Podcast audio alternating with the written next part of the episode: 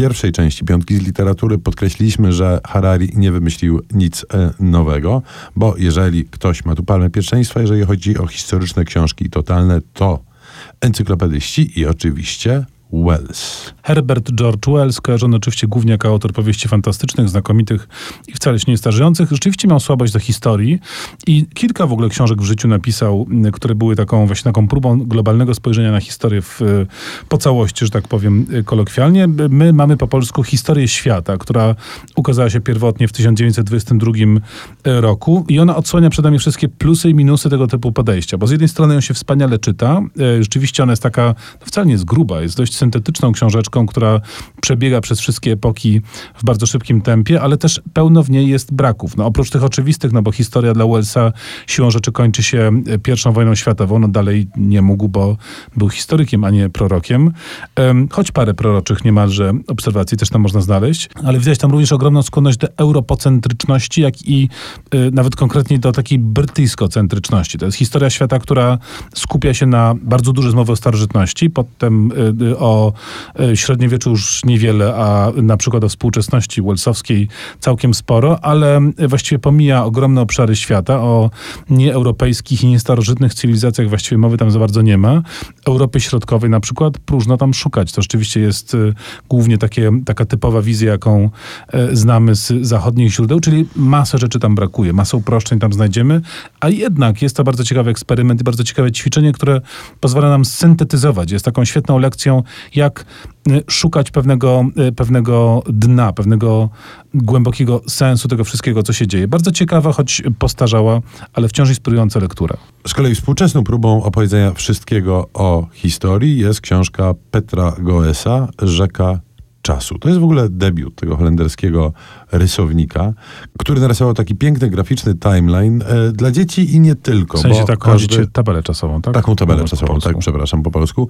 E, to jest w ogóle jego pierwsza publikacja e, książkowa, która trafiła do polskiego czytelnika i nie do polskiego zresztą też bardzo. To jest pomocne, myślę sobie, nie tylko dla młodego czytelnika, bo widzimy, jak różne rzeczy z siebie wypływają. Jest to mniej europocentryczne niż książka Wellsa Siłą Rzeczy. Goes też musiał podjąć kilka dość dość krytycznych i kluczowych e, wyborów. Nagromadzenie tekstu, jak na książkę graficzną, jest tu spore. Informacji też jest bardzo dużo. Natomiast dzięki temu, że ilustracje są tak bogate, można sobie te informacje dawkować w zależności od pojemności e, rozumku. Czy jest to rozumek dziecięcy, czy rozumek już trochę dojrzalszy. Ja przyznam się, że podejrzałem i wiem, że Goes ma już kolejną książkę na koncie, która się nazywa Rzek. I podobne graficznie stworzył dzieło poświęcone rzekom najróżniejszym. Mm, bardzo to są e, e, publikacje ładne, duże, imponujące, fajnie się z nimi obcuje, więc nawet dla ludzi, którzy ze słowem są na bakier i historia ich przeraża, to jest jakiś sposób na znalezienie skrótowej drogi do wiedzy historycznej, po prostu. Bylibyśmy bardzo niesprawiedliwi i audycja byłaby kompletnie niekompletna, gdybyśmy pominęli w niej encyklopedystów. No to w końcu encyklopedyści jako pierwsi próbowali systemowo opisać świat w całej swojej złożoności i tutaj oświecenie francuskie kłania się nam do dziś. I właśnie w związku z tym będziemy namawiali Państwa do czytania słowników po prostu. Ale trzeba uczciwie powiedzieć, że nie każdy słownik nadaje się do czytania, jednak są takie, które świetnie się w tej roli sprawdzają i my akurat w Polsce mamy to szczęście, że mamy naszego własnego wielkiego klasyka słowniko czy leksykonopisarstwa, mianowicie Władysława Kopalińskiego.